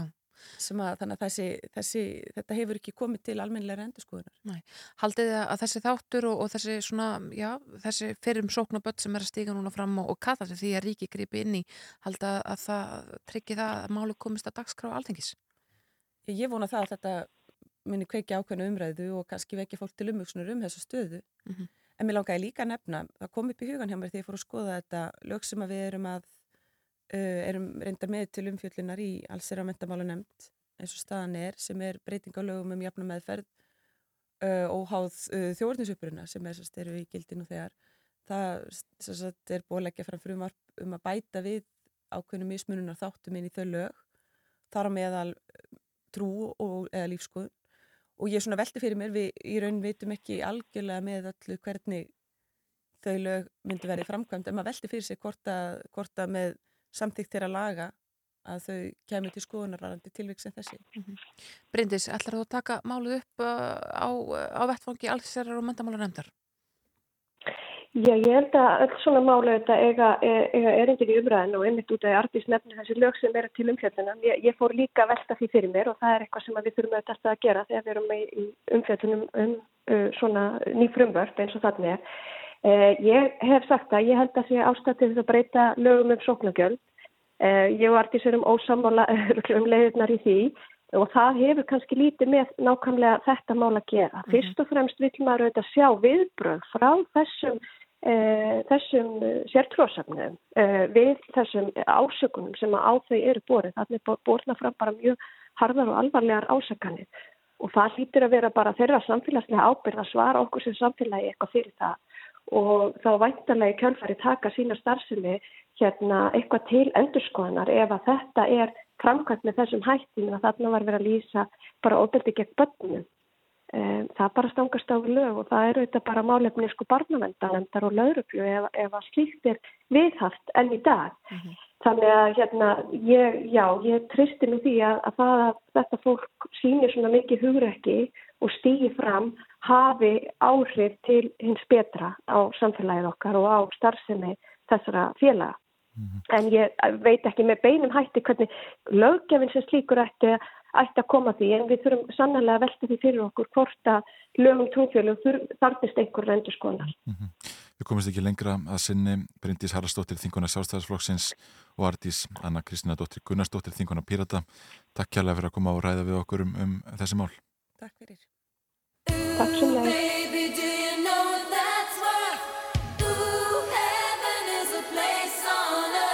They say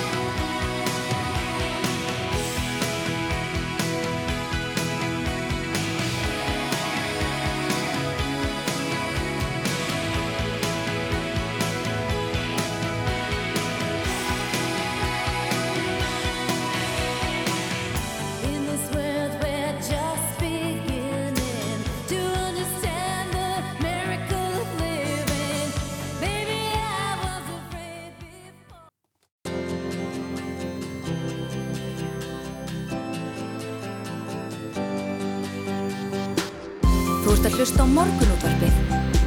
Á Rástvöðu Jú, mikið rétt morgunútvarpið heldur hér áfram. Eh, við ætlum að ræða við Guðmund Gunnarsson hér eftir smá frambjóðanda viðresna sem misti raunar þingsæti sitt þegar ég ákveði að vera að tellja á ný í, í kjördaminu en við ætlum fyrst að fá eitt lag. Þetta er Baldusbrá með Óibar Rasta Música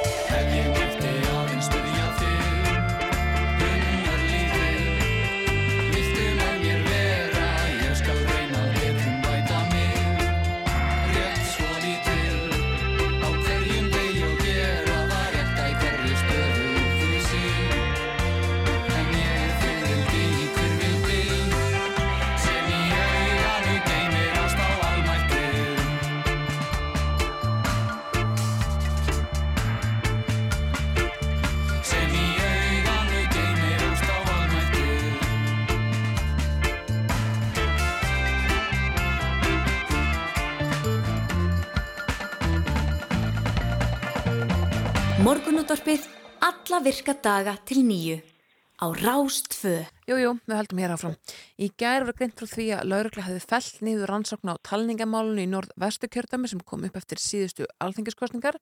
Hann er komin á línunni hjá okkur Guðmundur Gunnarsson frambjóðandi viðrisnar sem að misturunar þingsætti sitt þegar ákveði var að tellja á nýji kjördaminu uh, daginn eftir uh, kjördag. Góðan daginn, Guðmundur. Góðan daginn. Hvernig var þér við þegar þú sást gera að uh, það var búið að fella niður þessa rannsókn? Ég var merkilega lítið þessa. Hvernig leiði ykkur? Já, mér er bara bakkilega. Takk. Takk fyrir að spyrja. Já, þetta kemur ekki á óvart, segir þú.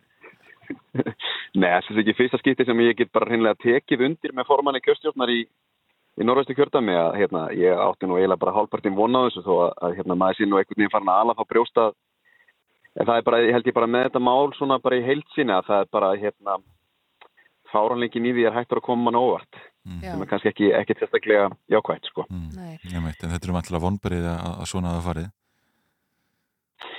Já, já, en, en hérna og, og skýringarnir eru kannski enn förðulegri sko, vegna, vegna þeirra óvissum skapast við, við hérna, breytingar á lögum en ekki þau lög sem voru í gildi þegar brotin áttu sér stað en náttúrulega eitthvað skonar, eitthvað skonar hérna förðuskýring um, ég held bara að, að hérna hún ætla ég að reyna að, að, halda þessu bara á, á stóiskum nótum en ég held að þetta endur speklar í rauninni bara það sem að við kærendur heldum fram allan tíman í þessum máli að það væri ekki nægilega mikil virðing borin fyrir líðræðinu og líðræðslegum rétti borgarna. Það sást bara í allri málsmeðferðinni hvernig við bröðust við, um, hversu í léttu rúmi stjórnvöld léttu sér líka að, að, að hann væri verið að væri misbrestur á framkvæmt kostninga og, og brota kostningarlögum og, og í rauninni 70 blaðsina skýsla er, er í rauninni eitt stór áfellistómur yfir framkvæmdini en einhverja síður ákveðu við að gera ekki neitt. Og, og, og láta bara eins og ekkert sé og, og, hérna, og finnast þetta bara allt í góðu.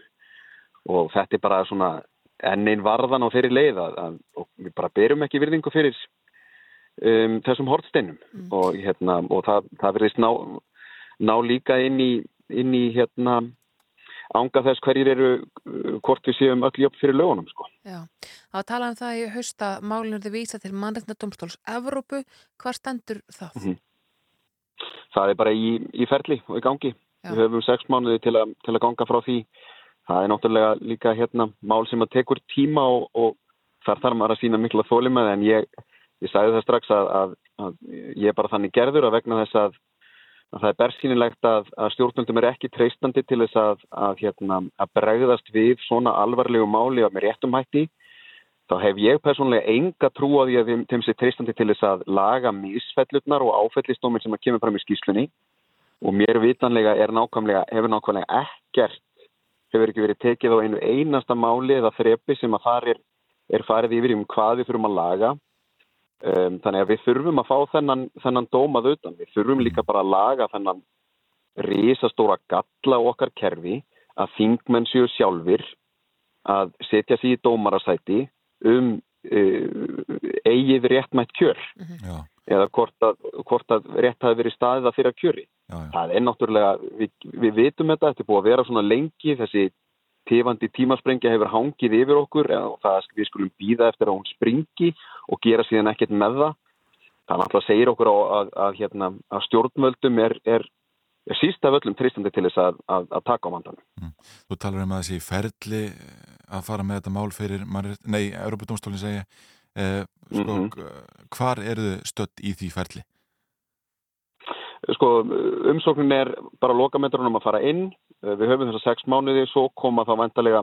Það sem að er líka dálítið flókið í þessu sem við þurfum að kanna var hvort að við værum búin að í rauninni eh, fara í, fara í gegnum alla ferlana innanlands áður en við förum út. Það er eitthvað skilirðum fyrir, fyrir því að máli verði tekið upp er að það sé búið að leita allra lagalega og, og domstóla leiða innanlands. Og það er okkar niðurstað að svo sé um, og síðan vendarlega má gera ráð fyrir að við fáum einhverja aðtúarsendir sem lúta þá meira því hvort að máli sé tækt til flýti meðferðar en jafnvel þó að máli fóði flýti meðferð úti að, að þá erum við samt að tala í árum um, um hversu langt ferlið þetta er. Já, einmitt, þannig að, að kannski verið kjörtímbili hreinlega lokið þegar að, að þessu máli verið lokið. það gæti farið svo en, en þess vegna erum við í rauninni að öllum það voni í brósti að, að ná flýtum með þær er að, að, að til þess að, að hérna að ná þessu áður en að kjörtímubilinu líkur. Já, já, við höldum að fram að fylgjast með þessu máli Guðmundur Gunnarsson, takk kærlega fyrir að vera á línunni hjá okkur. Ekkert mál, þess þess.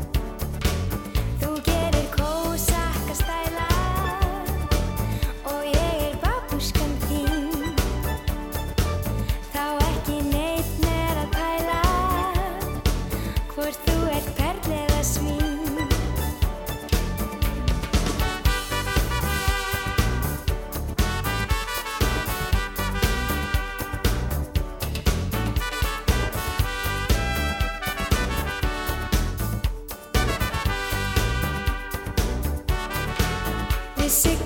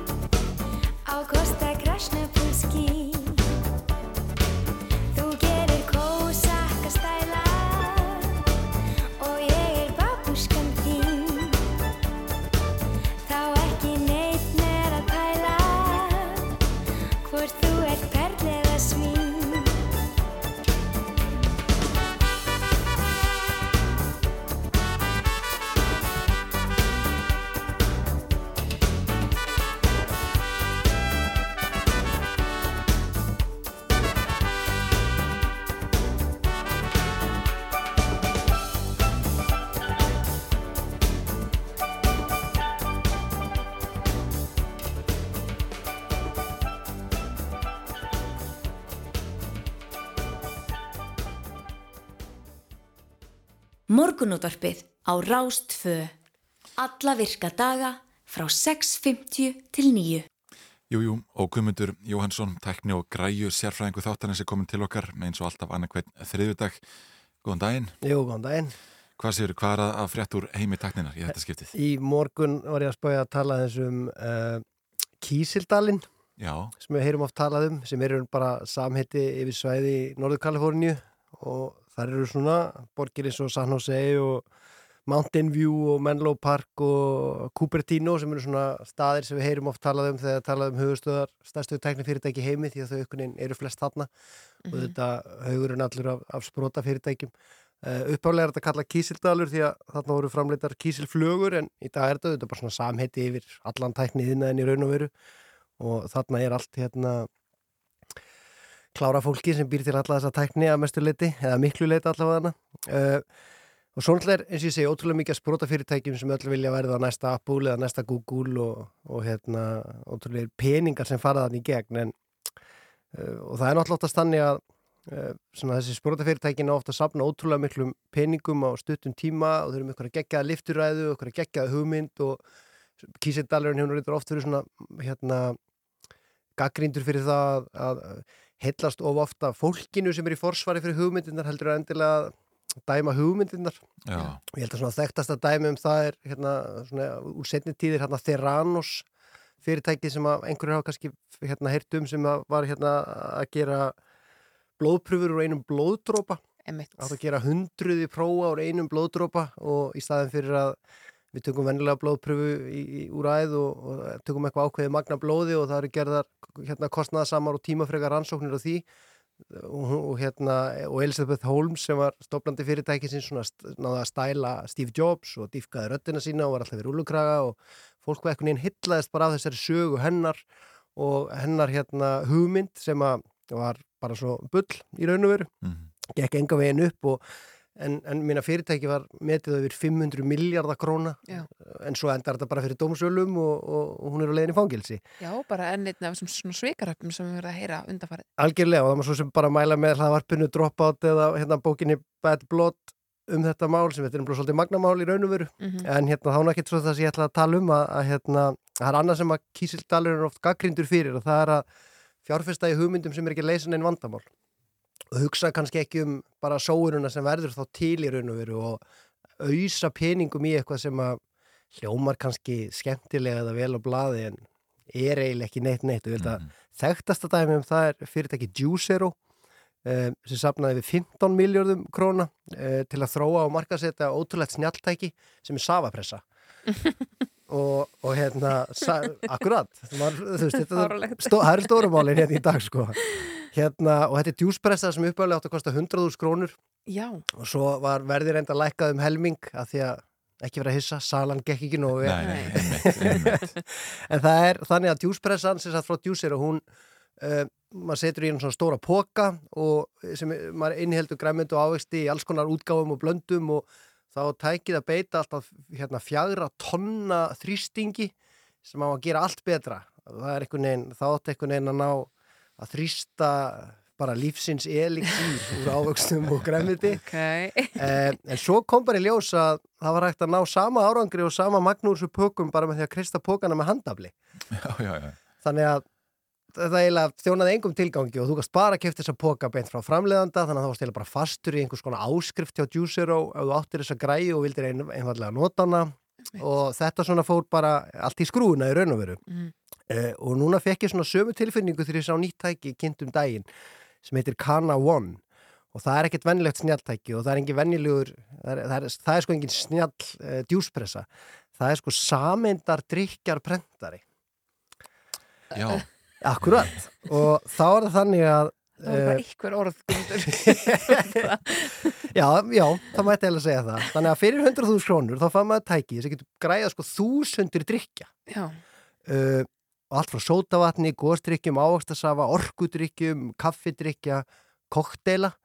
Og maður getur stilt innihald koffíns og alkohóls og síkumaks og fylst rosa vel með næringar intökunni og þannig bara fengið hinn fullkomna drykk og svo mætti segja og, og, og vísitamenn kann að hafa eitt þremur árum í að rannsaka vinsælastu drykki í heimi og svona einangra nýri bara minnstu uh, samindir uh, hvað er það sem einkennir þessa drykki til að fá rétt af bragðið eða réttu lyktina segja þau. Mm. Uh, ég ætla ekki að fullera það svo sé og tilgangurinn á þess að vera að minka sóun á uh, flöskum og gleri og áli og þú sért bara með þetta hennan kassa heima hjá þér Mhm. með snertiskjá og þú bara velur það sem þú vilt og það bara byrtist í ykkur glasi þú færð uh, áfyllingar á tæki þannig að þarf eh, einhvers konar bragð uh, lyktar hilki og það þarf kolsýru hilki og það þarf sigur og það þarf uh, áfeng, að, alkohól einhvers konar og þú færð það bara alltaf sent eða það er að klárast uh, en í staðin borgar upp per drikk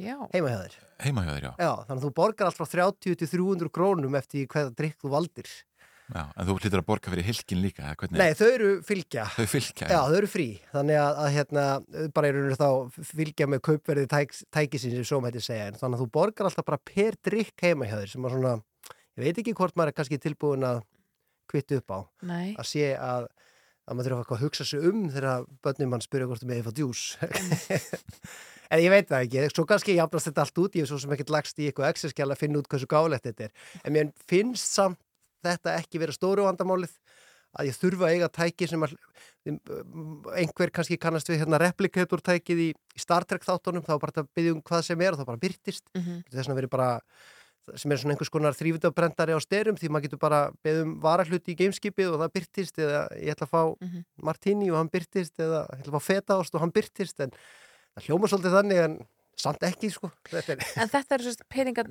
sko, fjár, peningar fjárfesta í, í Silicon Valley þeir eru að fara í þetta röl.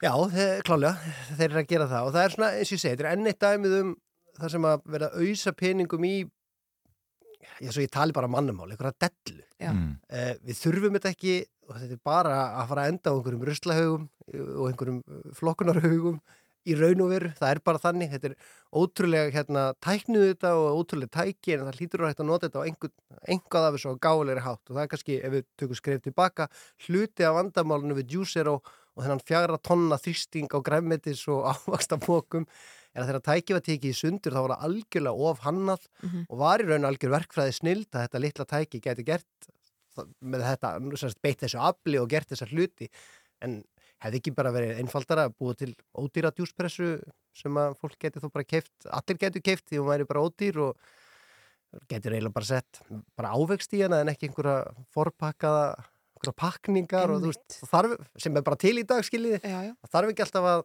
of hanna og of hugsa þetta hluti og, en svo einhvern veginn eins og ég segir kísildalur eins og svona fastur í því að hillast að einhverjum hugmyndum og einhverju lifturæðu en þó sérstaklega fólkinu sem selur hugmyndina og á hugmyndina og oft er ekkert búið að hugsa þetta alla leið eða þau telja sig verið búin að hugsa þetta alla leið en, en svo erum við alltaf bara svo erum við bara mennsk Já, já, Já, við erum alltaf að leita að auðvöldu leiðin út í öllu Það er rétt, það er rétt. Guðmundur Jóhansson, takk kærlega fyrir komin í morgunúttarpið. Uh, við þakkum kærlega fyrir okkur í dag. Já, það er hægt að finna allt okkar efni á, á VF Rúf. Einmitt, við hulda gestur verðum hér með ykkur á morgun uh, og við ætlum að enda þetta lag á uh, laginu Ammali með Sigamólnum í tilinu þess að þú átt ammali einhver. Já. Já, takk fyrir það, takk fyrir það. Það er hérna passlegt á að enda þetta á þessu fína lagi. Einmitt, takk fyrir okkur í dag.